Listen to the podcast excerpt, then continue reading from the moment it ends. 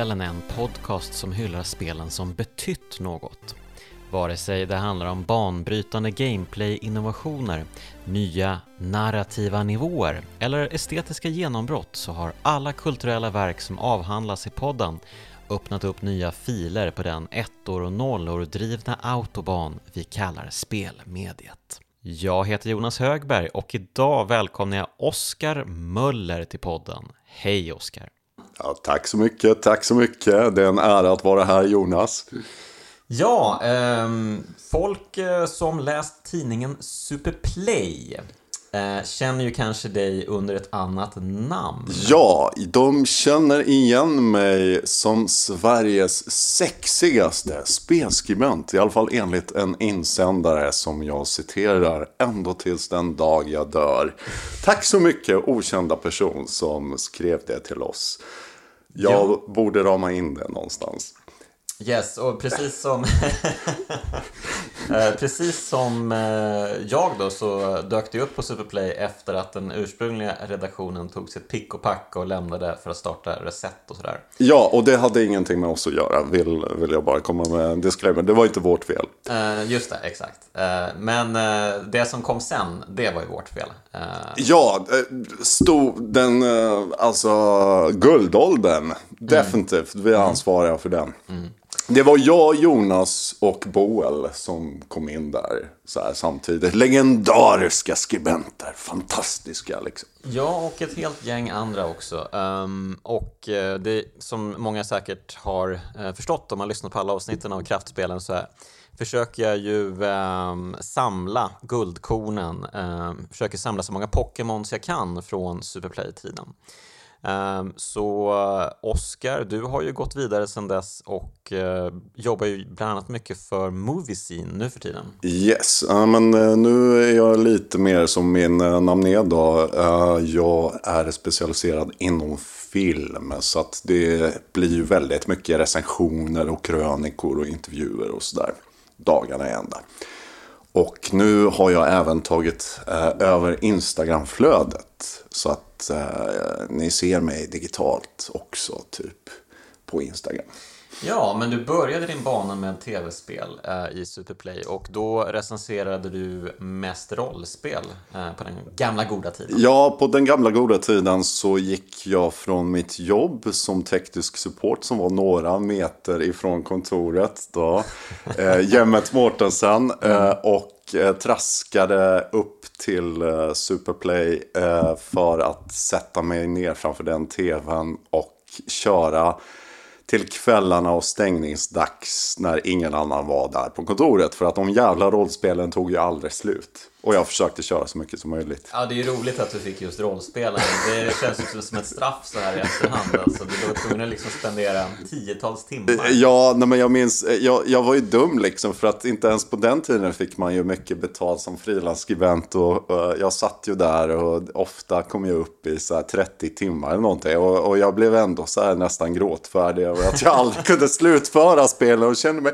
är det verkligen rätt att skriva recensioner när man bara är på på typ 25% av spelet eller något. Men, men ja. det är det, det name där, of the game. Så där, är det. Det där kan man absolut prata mycket om. Mm. Uh, har man verkligen rätt att skriva recension på ett spel man inte varvat och sådär. Men Alltså med rollspel, det och, går inte. Det och disclaimer, inte. det finns inte den speljournalist som har jobbat heltid som har varvat alla spel de har skrivit om. Så att bara så ni vet. Så ni har hört det, det så först. Är det. ja. Så är det verkligen. Uh, men uh, på den här gamla goda tiden, då skrev du bland annat en fantastisk krönika som fick stor uppmärksamhet som hette Ensam bög-cowboy på spelprärien. Ah, oh, gud, den titeln. Ja, precis. Och det ni kära lyssnare och höll jag på att säga innan för att vi hade ett jättehärligt intro som inte kom med där allt mellan himmel och jord diskuterades.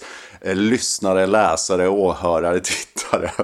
Det ni inte vet är att Jonas, den sneaky han tog ju fram eh, magasinet i fråga och började läsa högt mina egna ord eh, från 15 år sedan mm. till mig. Så att det var nästan som tillbaka från framtiden fast eh, tillbaka till det förflutna. Mm. Liksom, så här, tvärtom. Just det. Jag tänkte att jag så kan... fick jag reagera in real time då, på Ja, men jag tänkte No. jag kan eh, bara ta ett litet snabbt eh, citat här från den här krönikan som ju då handlar om hur eh, svältfödda eh, gamers, alltså Gud, nej. eh, helt enkelt folk med andra preferenser än eh, heterosexualitet, om man säger så. Eh, de har det väldigt svårt med representationen, speciellt år 2006 när den här krönikan skrevs. Det är lite bättre nu. Det är något bättre nu. Mm. Eh, inte särskilt jättebra kanske, men absolut eh, på vissa fronter har det hänt saker. Men då skriver du bland annat eh, Visserligen har Snake sprungit runt i bar överkropp i sitt senaste Metal Gear, men riktiga förebilder saknas. Medan spelbossarna klappar sina sekreterare i rumpan spanar den queera motståndsrörelsen in den märkbara bulan i Jan Lees gula Bruce Lee-uniform i Dead or Alive 4. Vad har vi annars för val? Ja, det där är ju lite pinsamt specifikt. Och Jag menar, jag, jag bekräftar ingenting där. Men jag minns att på den tiden så kände jag verkligen att det var en irritation över att det gick liksom 16 dussin eh, studsande bröst upp och ner liksom rakt upp i ansiktet. Och att man, man som bög aldrig, aldrig fick liksom någonting eh, som var riktat mot en själv. Och jag, jag kan tänka mig att det var en hel del eh, tv-spelande tjejer som kände samma sak. Och det tar jag även upp i artikeln. Eh, precis, och sen skriver du som avslutning också inom tio år släpps spelet där Leon från Resident Evil 4 med tillhörande pojkvän är lika raffiga som önskedrömsflatorna i Fear Effect 2 och huvudbossen är en neokonservativ religionsdåre. Riktigt så bra har det ju knappast blivit 15 år senare. Nej, 15 år senare kan man ju konstatera att själva krönikan som, som för övrigt var jättehärlig att, att återuppleva. eh, Väldigt välskriven. Ja, tack så mycket Jonas. Jo, den var ju med i årsbästa listan som sagt. Eh, alltså, jag känner väl typ att neokonservativ grejen är väl aktuell. Att man kan se den typen av effekter i tv-spelen. Högerkonservativa liksom eh, monster som slutbossar, huvudbossar. Men just det där med gay-hjältar och specifikt stora titlar har vi ju tyvärr inte sett. Och det finns liksom inga tecken på att det rör sig åt det hållet heller. Det går långsamt framåt. Om det är någonting som är gay i ett mainstream-spel så, så handlar det om att man eh, får välja det själv och man kan dölja det som att det inte fanns. Eh, Men det kanske bör specificeras att eh, just eh, för bögarna har det ju funnits väldigt lite representation. Precis. Det har ju varit betydligt bättre för lesbiska ändå. Yes, och det, det handlar ju väldigt mycket om det male gaze tycker jag. Att, att det, det är inte så att man tar lesbiska på alltså, så här större har större fokus liksom där. Eh, utan det är väl mer att män har ju betydligt mindre problem eh, med kvinnor som är med andra kvinnor än med två killar som är tillsammans med varandra. Speciellt om man är så här tonåring eller yngre och eh, många gamers lever i konservativa länder. Och då blir ju tyvärr problem med så internationella spelsläpp med den typen av te- tematik. Ja, men bara de senaste åren så har ju spel som Gone Home, eh, Life is Strange och The Last of Us inkluderat eh, lesbiska hjältinnor och sådär. Men när man tittar på det så hittar jag, jag hittar i princip ingen böghjälte som står i fokus eh, när man tittar på de stora spelen som släpps. Eh, vilket ju känns patetiskt. Men det har väl någonting att göra med att det känns Eh, som ett potentiellt hot eh, kanske. Ja, absolut. Nej, men det, jag tror att det är precis på samma sätt som Disney har fått skitmycket kritik för representation och de har ryckt upp sig och tagit sig i kragen rejält på sistone. Men bara de senaste fem åren i princip har de tagit eh, tag i etnisk representation. Mm. Och lite, lite queer-element också. Eh, speciellt i eh, till exempel Jungle Cruise nu som jag recenserade. Där det finns en stor eh, gay-karaktär som, som faktiskt eh, framställs positivt. Och det, det är ett stort steg framåt för Disney, även om hans kärleksliv är helt eh, liksom irrelevant för själva filmen. Och han mer eller mindre är asexuell så, så är det ändå ett stort steg för Disney. Men i spelbranschen så känns det som att det är en grabbig bransch som vill cosplaya som att den inte är så grabbig och att det ska finnas många perspektiv men i själva verket så, så gör det inte det. Och det blir ännu mer konservativt därför att man på något sätt är skiträdd för publiken och tror att allting som sticker ut eh, inte säljer och eh, får backlash. Och jag tycker att det är skittråkigt. Eh, jag blir ju faktiskt eh, trött eh, när jag tänker på att jag skrev det här för 15 år sedan mm. och jag hade visioner om att det skulle bli så mycket bättre och det, det blev det inte. Inte alls. Det går väldigt långsamt och spelbranschen har problem. Ehm, det ofta är det ju publiken och köparna av tv-spelen mm. som, som är problemet. Men man kan inte skylla allt på dem.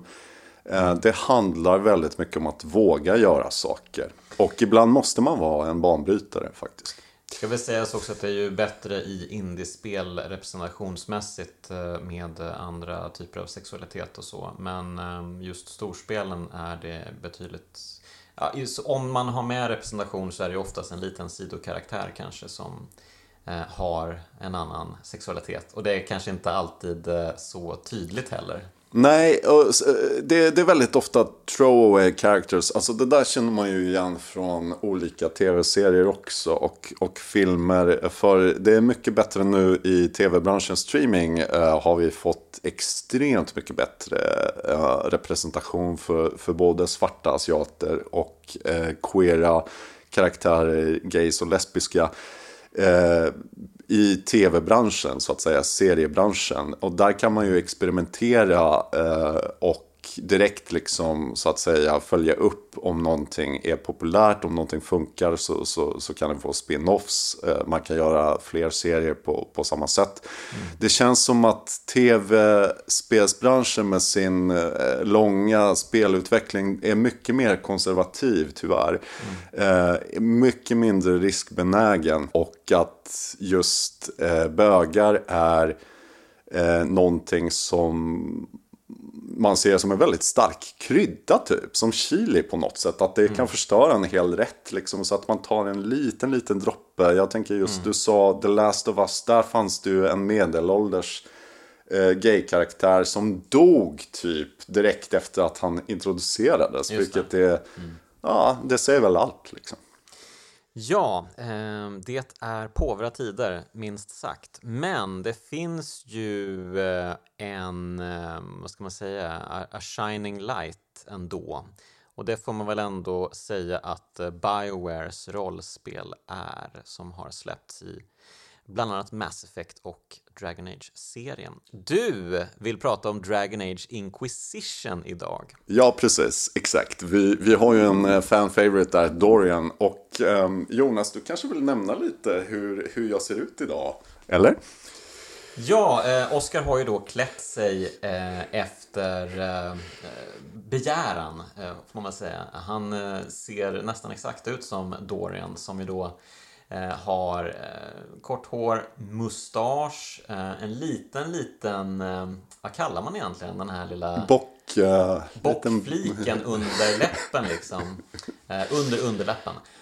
Men du lyckades inte fixa de här twirly-grejerna som han har på mustaschen. Nej, det, det, det, är lite overkill. Jag, jag funderar lite hur fan länge ska man låta muschen växa typ för att ens få till någonting sånt där. Jag har aldrig haft det i hela mitt liv. Så att, eh, den, den biten har jag eh, skippat. Men jag tycker eh, min ansiktsform är hyfsat lik där. Och jag har ju the same twinkle in my eyes. Så ja, det, jag tänker serva lite till winter realness här idag. Vi, mm. vi kommer ha lite eh, fotosession efter efteråt för att jag behöver content också. Det är inte bara Jonas som ska ha grejer här utan okay. jag, jag, är, jag behöver content till mitt Instagram på Moosey så att det ska vi se till att skapa.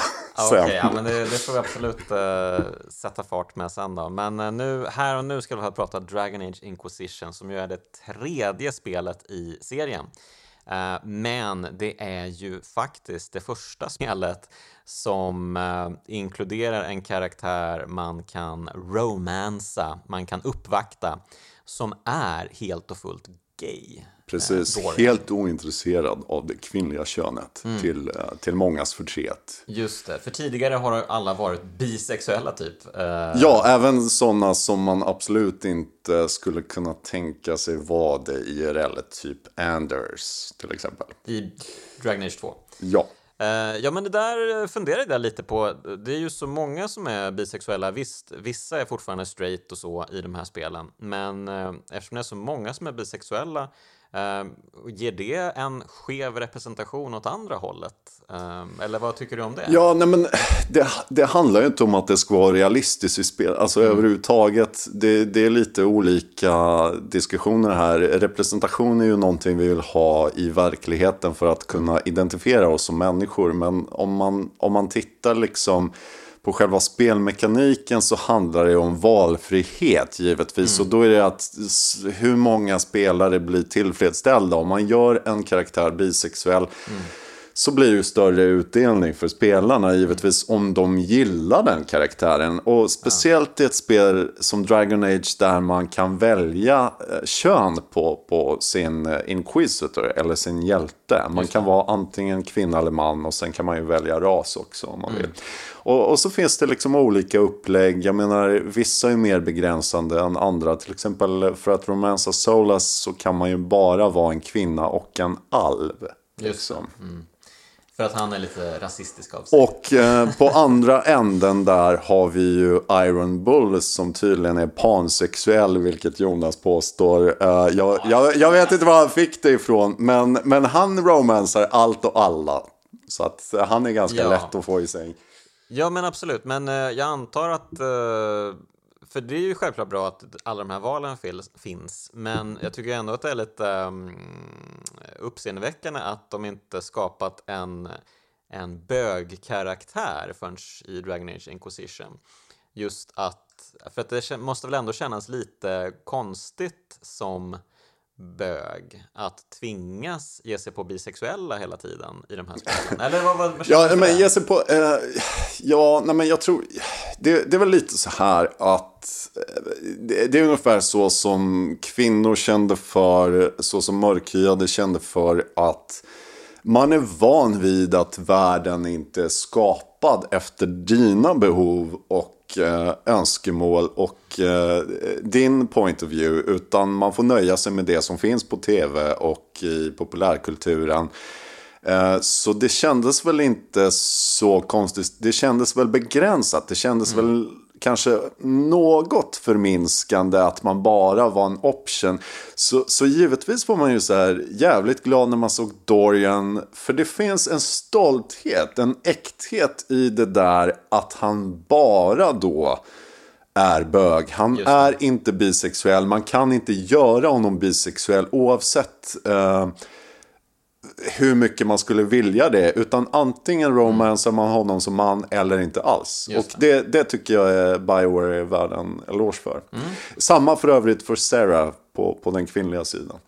Ja, absolut. Eh, Men absolut, och det gillar jag också att man äntligen vågar liksom eh, sätta sexualiteten i sten på så sätt. Mm. Eh, Jättebra. Och han är ju en väldigt bra skriven karaktär också. Ja, Man- definitivt. Nästan den bästa karaktären av dem alla eh, stundtals. Ja, vi känner snackar, vi om det där, eh, typ faktiskt att i Dragon Age, eh, speciellt i Inquisition, så känns det typ som att vi har ett A och B-lag av följeslagare. Och, och Mhm. Ja. vi, vi är faktiskt rörande överens om vilka våra favoriter Ja, är. verkligen. Och det är ju Dorian, såklart. Eh, och sen har vi ju Cassandra, din favorit. Ja, och jag Cassandra, älskar henne. älskar henne också. Och sen Solas då, av förklarliga skäl. Ja, han har ju en stor eh, bärande del i handlingen. Eh, om man eh, känner sig väldigt rädd för spoilers ska man kanske inte lyssna på hela avsnittet. Men ja,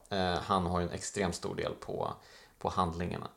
Um... Och, och, och, sen har vi ju resten liksom som är så här roliga karaktärer, kanske som, som uh, jag menar, uh, Sarah till exempel, kul och sådär, men också lite throwaway. Att de, de gör inte så mycket för handlingen, de har inga egentligen intressanta sidospår, utan de finns där för att Iron Bull, Sarah, liksom... Uh, mm Eh, Cole, eh, de är i alla fall intressanta för att vi har ju ren utfyllnad som Blackwall. Också. Ja, Blackwall. Usch vad tråkig han är. han, han är där för att bli mobbad av Vivienne som är klassens bitch. Just det.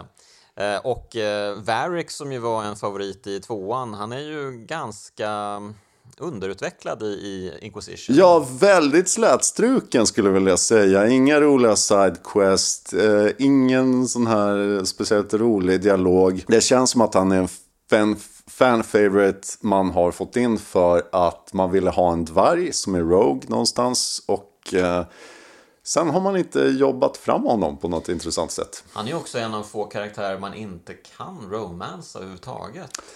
Och det där är ju eh, fördomsfullt, skulle man säga. Det är en diskussion i sig. Men, Jaha, okay. men, eh, men låt oss återvända då till eh, Dorian. Um, han, eh, inte nog med att han är en uh, fantastiskt välskriven karaktär och uh, han inte är så showy gay som de hade kunnat skriva honom, tänker jag han har absolut eh, egenskaper som gör att mm. man ganska snabbt fattar att han är bög. Mm. Men eh, det är inte på det vanliga liksom, sättet man brukar skriva mm. bögkaraktärer på. Mm. Utan han känns ganska ja, low key på så sätt. Vä väldigt solid storyline som faktiskt känns eh, värdig. Eh, och realistisk faktiskt. Att, att det är riktiga problem som tas upp som, som är så här bränner, bränner till. Um... Ja, vi har ju hans uh, Sidequest Ehm, um, som man får en bit in i spelet. Um, det dyker upp ett brev till inkvisitionen och um, han uh, reagerar på det ganska starkt för det är ju från hans pappa då som han har flytt från. Han har flytt från familjen i uh, Tevinter. Och uh, det finns ju en, uh, en ganska en anledning som vi sett många gånger förr hos framförallt förr i tiden på det gamla goda ja, 50, 40, 60, 70-talet när bögar typ eh, blev liksom eh, shunned från familjen när de inte mm. ville veta av eh, sina söner längre. Um, och det är ju en ganska tydlig del i det här uppdraget då. Man får ju veta att pappan till och med har försökt Avvända, tvångsomvända. Tvångsomvända. Mm. Jo, eh, med hjälp av blodmagi nonetheless, liksom, som, som är en stor eh, del av spelet som, som alla vet. Jo, men till vinter, det är en intressant grej att det känns som att det är ett samhälle, de är ändå ganska bra på att måla bilden av olika samhällen där i Dragon Age tycker jag. Föräldern med sin hund fascination och typ Olé som är så här lite som Frankrike på 1700-talet. Mm. Eh, och, och, till vinter, allt är ju status där så det känns som att det är inte så mycket som att man är gay som är problemet som typ vad det innebär för imagen om man inte gör det man ska, det vill säga eh, man gifter sig och skaffar typ den renaste magiska avkomman som, som höjer statusen då mm. i släkten. Eh, det känns som att om han gjorde det och hade sex med män vid sidan av så skulle det förmodligen inte vara ett lika stort problem för, för någon eh, farsan. Men Dorian är ju sig själv fullt ut. Han, ja. han vill ju inte vara slav under. Han är image. stolt eh, bög. Exakt. Så är det verkligen. Han tänker inte gå in i någon garderob här inte. Nej. Um, och uh, ja, beroende på vad man väljer att göra i den här sidequesten då så kan man ju uh, antingen helt distansera sig från pappan eller försonas på något sätt trots allt han gjort.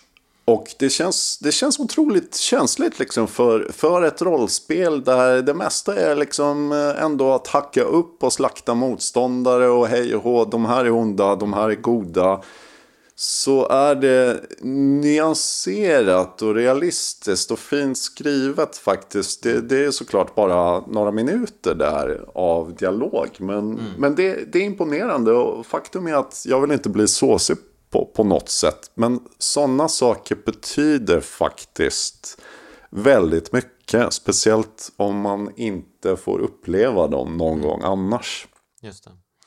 Ja, jag känner att det var väldigt uh, känslomässigt uh, den här sidequesten och uh, det enda som spolerade lite var att ansiktsanimationerna är lite sådär uh, fortfarande och han kan liksom inte leverera den, den känslomässiga um, som ändå sker liksom.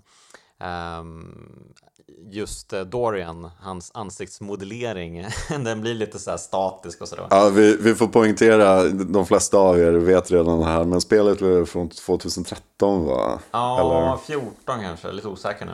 Typ det, det, det, det, är ju ändå en, en bra bit ifrån eh, dagsläget, så att det är ju inte Playstation 5-nivå vi snackar om här. 14. Uh, ja. Mm. Sju, sju år, ja, nej, men det är en lång, det, i tv-spelsbranschen så är det typ tio hundår eller någonting. Liksom. Um, och vi, det, det, där är ju en diskussion i sig, att Bioware, vad fan händer med uppföljaren liksom. Men, mm. Men eh, jag kan bara påpeka för er lyssnare att uh, Jonas, han lät inte vänta på sig när det gäller att slänga sig över Dorians läppar. Han kunde knappt bärga sig mm. till, till att få de där animationerna till stånd. Eh, ja, det är ju, de, de känns ju verkligen som två skyltdockor som tvingas eh, pussa varandra. Eh, så att, det, det, är inte så att jag känner mig hotad på något sätt egentligen. Nej, det, det, det var inte. Och jag menar, det, jag tycker också så lustigt med all den här ragen för att det är klart att vi, vi, vi har ju väldigt liksom harmlösa, eh, typ sensuella scener i tv-spel överlag. Alltså mm. det känns som att det är ganska lustigt om folk ska bli provocerade av det de ser. Speciellt, speciellt när det framförallt ser väldigt komiskt och orealistiskt ut mm. för det mesta. Liksom. Ja, men nu börjar det bli riktigt bra, äh, märker man ju ansiktsanimationer och dylikt i äh, de, de, senaste generationerna. Jag, jag tänker bara så här, Jonas, vågar du säga till lyssnarna vad du har visat för mig typ, på sista? Jag tänker du låta det gå ner i avgrunden utan någon kommentar. Ja, du var ju sugen på att Uh, Nej, sugen vet du, jag inte. Du var ju sugen på digitala snoppar, så då delade jag med mig.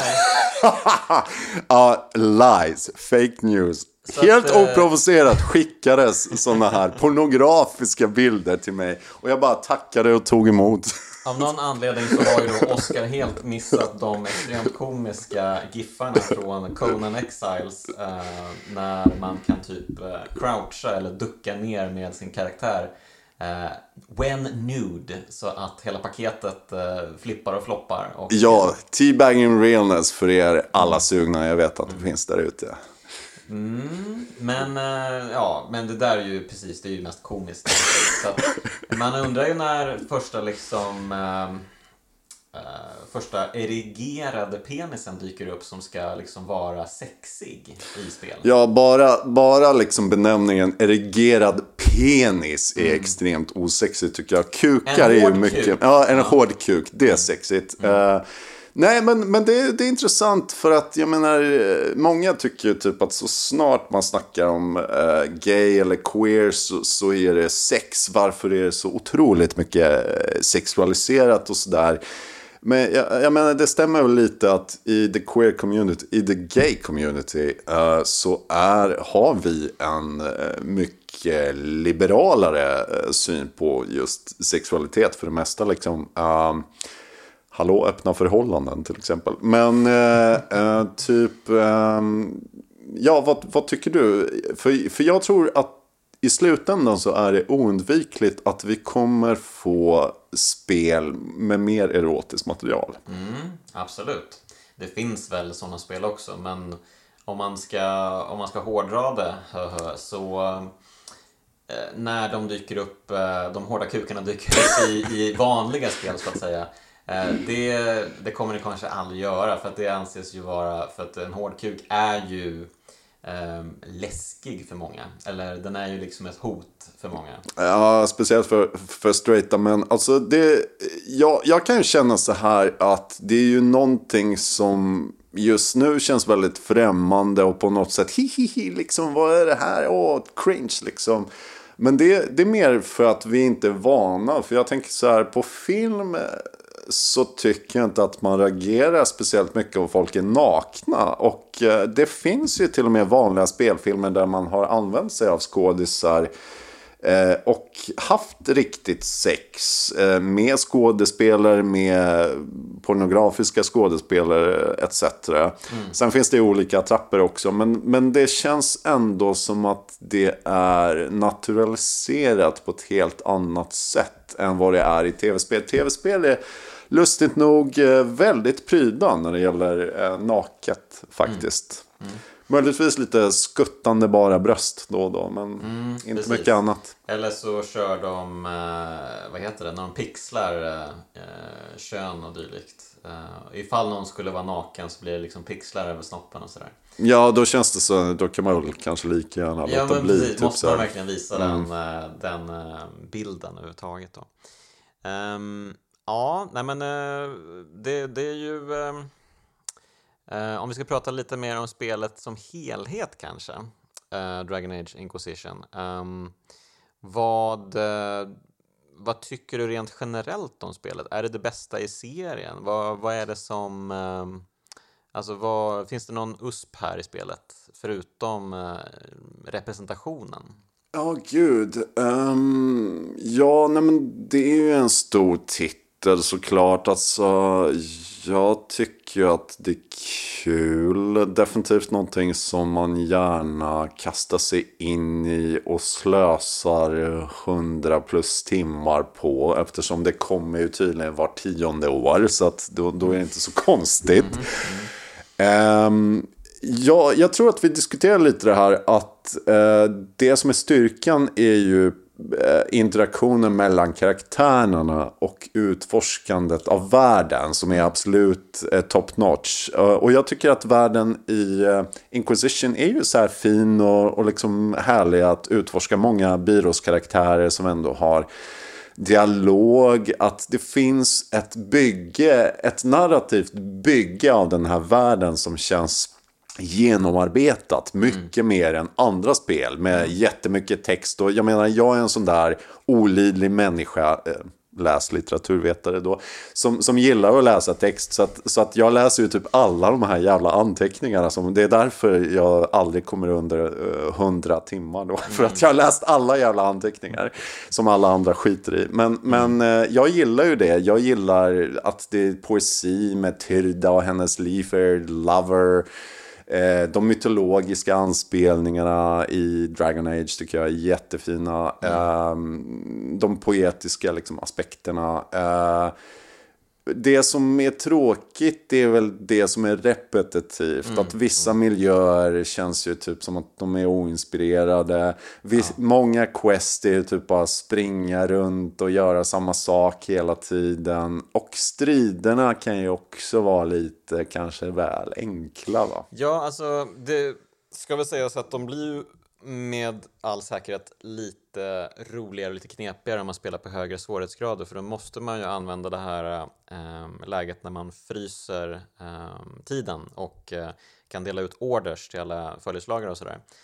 Men när, spelar, man, spelar man på normal så behöver man ju inte det och då orkar man ju inte göra det heller. Nej, man bara buttonmashar järnet tycker mm. jag. Typ så här att det gäller bara att ha tillräckligt många potions och typ masha på. Jag menar min favoritgrej är väl egentligen att spela som magiker och masha lite från, uh, från afar. Uh, mm. En riktig mm. så här Dorian-grej. Men min, uh, min taktik där är väl typ att um, jag tror ismagi känns ju typ som att det är det mest användbara i um, sådär. Och um, nej, inte, inte jättekul och framförallt så tycker jag att man kan arbeta fram typ ett bättre så skillset som är mer unikt för karaktärerna mm. istället för att det ska vara same same liksom för alla. Ja, det är lite mycket så här elementar magi, typ eld och is och sådana där grejer. Och alla kan bli allt, vilket känns helt oinspirerande tycker jag. Ja, nej men då, där skulle de absolut kunna utveckla väldigt mycket eh, till Dragon Age 4 eller vad det nu ska heta. Just nu heter det bara Dragon Age, konstigt nog. Um, och frågan är när det kommer ut? Ja, frågan är när det kommer ut. Eh, och frågan är vem som är skurken. Eh, ska vi kanske, ja, ska vi spoila lite om slutet i Dragon Age? Ja, det, det, det, det är en podd, men uh, varsågod. Nej, men eh, som sagt, Solas är ju en fantastisk karaktär tycker jag. Och eh, han eh, är ju länge en mystisk eh, alv som eh, pratar med andar och eh, kan liksom se bortom...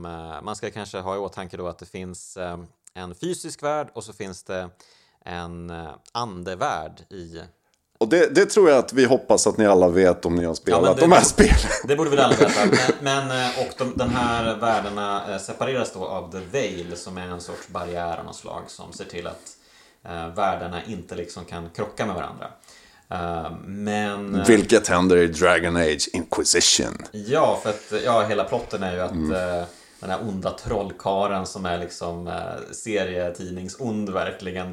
Corypheus, han eh, sliter upp ett hål i eh, himlen eh, som leder till eh, The Fade. Och eh, så kommer en massa andar och demoner ut och så händer en massa sjuk skit. Men Solas, han är ju en eh, varelse som alltså kan kommunicera med den andra, andra sidan. Um, och han är ju också en del av den andra sidan, uh, blir man ju sen varse. Not everything is what it seems. Ja, precis. Och har man sett uh, trailern för uh, Dragon Age 4 så uh, vet man ju att Solas kommer ha en stor roll i det spelet. Och ja, han hotar ju i expansionen att förstöra hela världen. Ja, Eh, och jag menar, det här är väl ingen nyhet för eh, till och med, tror jag, slutet av Dragon Age Inquisition så var det nog lite klipp va, som, som hintade om ja, att eh, någonting händer med honom. Han var inte helt nöjd med eh, hur saker och ting slutade där med Corypheus när man hade besegrat den här onda serietidningsskurken. Um, Corypheus hela grej var ju att han var en av de här ursprungliga magikerna som hade begett sig in i The Fade för hundratals år sedan. Eh, för att försöka störta gudarna. Ja, och det här visar ju just hur sammansatt den här världen är. För att det här är ju en av de här eh, litterära inläggen som jag, jag snackar om. Att, att det är en av de första man hittar. Att det är en eh, mytologisk berättelse om mm. hur, eh, ni, var det nio magiker? Det är alltid nio. Eller någonting eh, sånt. Det är alltid en udda siffra. Sju, jag är lite osäker nu. Sju eller nio magiker ja. från Tevint eller mm, vad fan det nu var, ja, precis, eh, gav sig in eh, i sin enfall och sitt högmod i mm. The Golden City, va? Guds eh, magiska ja, stad. Och fördärvade den. Och sen så mm. startade de i princip apokalypsen och The Blight och allt mm. möjligt skit.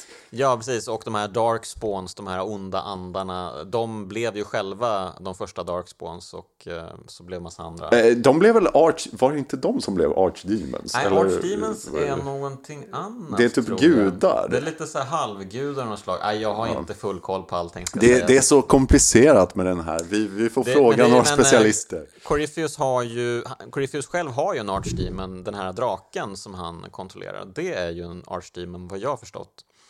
Eh, men uh, ja, vi ska inte gå för långt in i det där, för jag kan inte gå för långt in i det där. Men, det är som Dark Souls, det tar aldrig slut. Ja, men det är kul med lore, absolut. Uh, så det är väl lite roligt, men ehm, ja, men, men då, det jag tänkte komma till var ju då att Corypheus är ju en sån tydlig bad guy. Han är verkligen superond. ja, nästan inga... Det hör liksom... man ju bara på namnet. Liksom. Ja, men visst. Och så kallar han sig själv för The Elder One och sådär. Uh, och han var ju en av de där onda trollkarlarna då. Så att och, antagligen menar... finns det ju fler onda trollkarlar uh, från uh, den här ursprungliga händelsen som kanske lurar i kulisserna. Det, det, det, är säkert en så här Final Fantasy 8 situation där, där, där det är en häxa bakom häxan bakom häxan liksom. Ja, men det, det jag gillar med Solas är ju ändå då att man man får ju eh, stifta bekantskap med honom, man får ju prata med honom, man får utforska hans eh, syn på saker och ting. Ehm, och han är ju en ganska balanserad karaktär. Eh, visst, han har inte så mycket övers till eh, människor och sånt. Han är ju som sagt lite halvrasistisk. Eh, vill ju helst hålla sig till, till sin ras, till alverna. Och eh, ja, det blir ju lite skärmytslingar. Och det där är en intressant diskussion. Det kan man ju knyta till det här som vi snackade om läggning tidigare och sexualitet. Att många, eh, okej okay, väldigt eh, allvarligt tungt ämne och kontroversiellt. Men, men det finns ju vissa som påstår eh, att att om man inte ligger med någon av en viss etnicitet mm. så är man sexuell rasist. Det. Mm. Och det skulle man ju kunna kalla Solas för eftersom han ligger ju bara, inte nog med att han är homofob för att han är bara mm. intresserad. Ja. Joke, ja. joke för de som inte fattar. Ja, ja, eh, men han är bara intresserad av alvkvinnor. Mm. Så att, väldigt begränsad i sin sexualitet. Den mannen. Ja, precis. Så att, eh, det, det är väl det som är hans skurkiga drag. precis. Det är så man vet att han är huvudskurk i nästa. I woke-tid. Han är straight och håller sig bara till sin etnicitet. Precis. Eh, Den ultimata ärkeskurken. Men annars så är han ju ganska mm, vidlyftig i sina tankar och sådär. Han, han, kan se, han kan se olika syn på saken, liksom, eh, på saker och ting. Och eh, det är ju någonting som utforskas ganska mycket i expansionen också. Um, och han, eh, han sätts ju upp då att vara den stora antagonisten i fyran och det gör ju att jag är superintresserad av fyran. Absolut, för att man har, det där är väldigt smart av Bioware. Eh, liksom all eh, kudos till dem för att man sätter ju upp att man får en relation till honom, mm. speciellt som att han är välskriven mm. och ger ett helt annat intryck genom, eh, genom spelet. Så att det där är härlig lite mindfuck som de verkligen lyckades med. Ja, men det ska de ha stort, eh, stort kudos för, verkligen. Um, um, just det, jag nästan höll på att glömma. Det finns faktiskt en till um, person med en speciell en LGBTQ, eller vad säger man? Det rullar inte så bra Oj, oj, oj, oj. XYZ. X, ja, exakt. Precis. De lägger till, de lägger till så många nya. Jag vet inte riktigt. Eh, nej, men, säg, säg, nej, men HBT, säg, man, man säger HBT i Sverige. Det är typ så här. Det är inte, det är, ja, exakt. Och sen kan man lägga Låt till oss, några till också. Ja. Om man vill. Ja, men precis. Det finns ju en till HBTQ-karaktär eh, i spelet som ändå är lite intressant. Um, och då tänker jag ju på Krem som är löjtnant till Iron Bull. Oh. Jag vet inte om du tänkt på det, för du ser helt oh. överraskad ut. Eh, nej, nej, nej, men vänta, vänta. Det är någon så här twink. Jo, jo, jo, jo, jag har tänkt på honom. Jag tänkte mm. så här, ja, för hans röst är verkligen så här. Eh, jo, nej, men det är en söt liten twink-liknande som, som man känner så här. Vad är hans relation till Iron Bull? För det, mm. den dynamiken känner jag personligen igen från Grindr. ja, men eh, Krem är ju då en transperson. Eh, född som ah, kvinna men eh, vill leva sitt liv som man. Och eh, har väl också upplevt en del eh, skit i sina dagar. Eh, speciellt när han ville gå med i armén. Fick inte för att han var kvinna. Ehm, gick med ändå. Um, och klippte håret och allting sånt där, klädde rustning. Eh, blev påkommen och då räddad av Iron Bull på en ehm, eh, ja, men något sorts eh, rasthus, värdshus av något slag.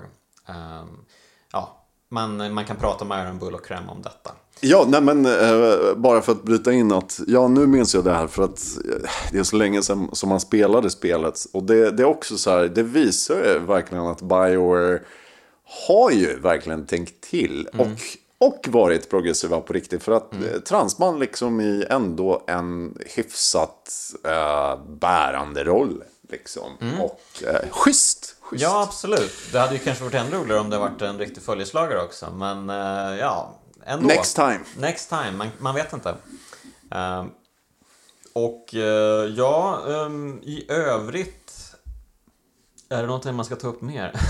ja, alltså en grej som jag tänkte på med det här med uh, karaktärsmodelleringen och allting.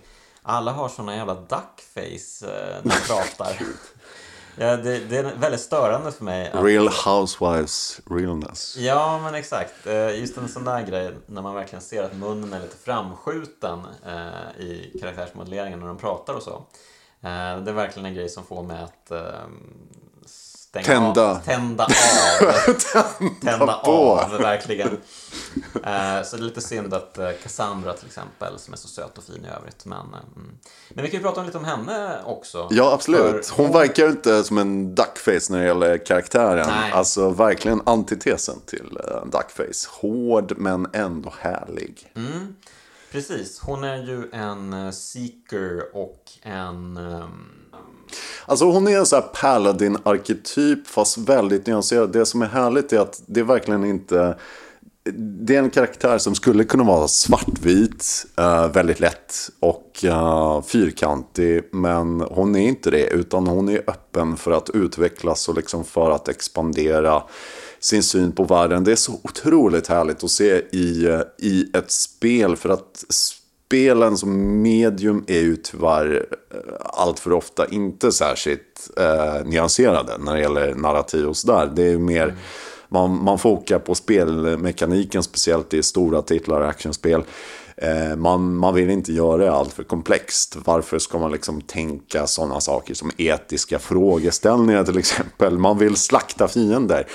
Eh, men med Cassandra är det verkligen att hon, eh, hon kommer från en viss värld men hon är öppen för att förändras och hon är ödmjuk. Och det, det är typ en egenskap som är eh, ganska unik faktiskt i Ja, tv-spelsvärlden. och eh, jag gillar också hur de har porträtterat henne när man pratar med henne. Då står hon liksom och vrider eh, sina händer um, samtidigt som man, man pratar med henne.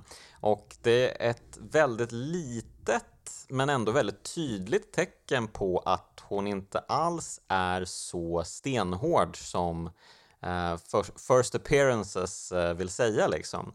Uh, hon är lite nervös inför The Inquisitor. Eh, om det beror på att eh, hon börjat gilla honom lite kanske, eller om det bara beror på att hon är lite osäker på honom.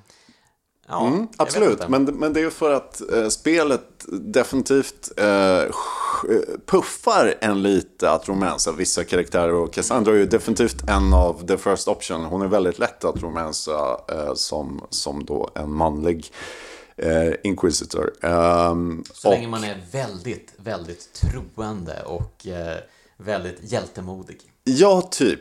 Vilket det känns som att om man spelar så här en straight hjälte som alltså inte typ att man är hetero utan att man, man är inte ond eh, så bör det vara hyfsat lätt att, att, att bärga henne till, till slut. Eh, Men eh, det, det är ändå liksom med en twist just att som du säger, att hon är inte den här arketypiska sexiga Morgan-klonen. Utan hon har lite androgyn utstrålning. Men ändå liksom kvinnlig. Men inte det här eh, på något sätt lismande, sexualiserade som vi ser till leda.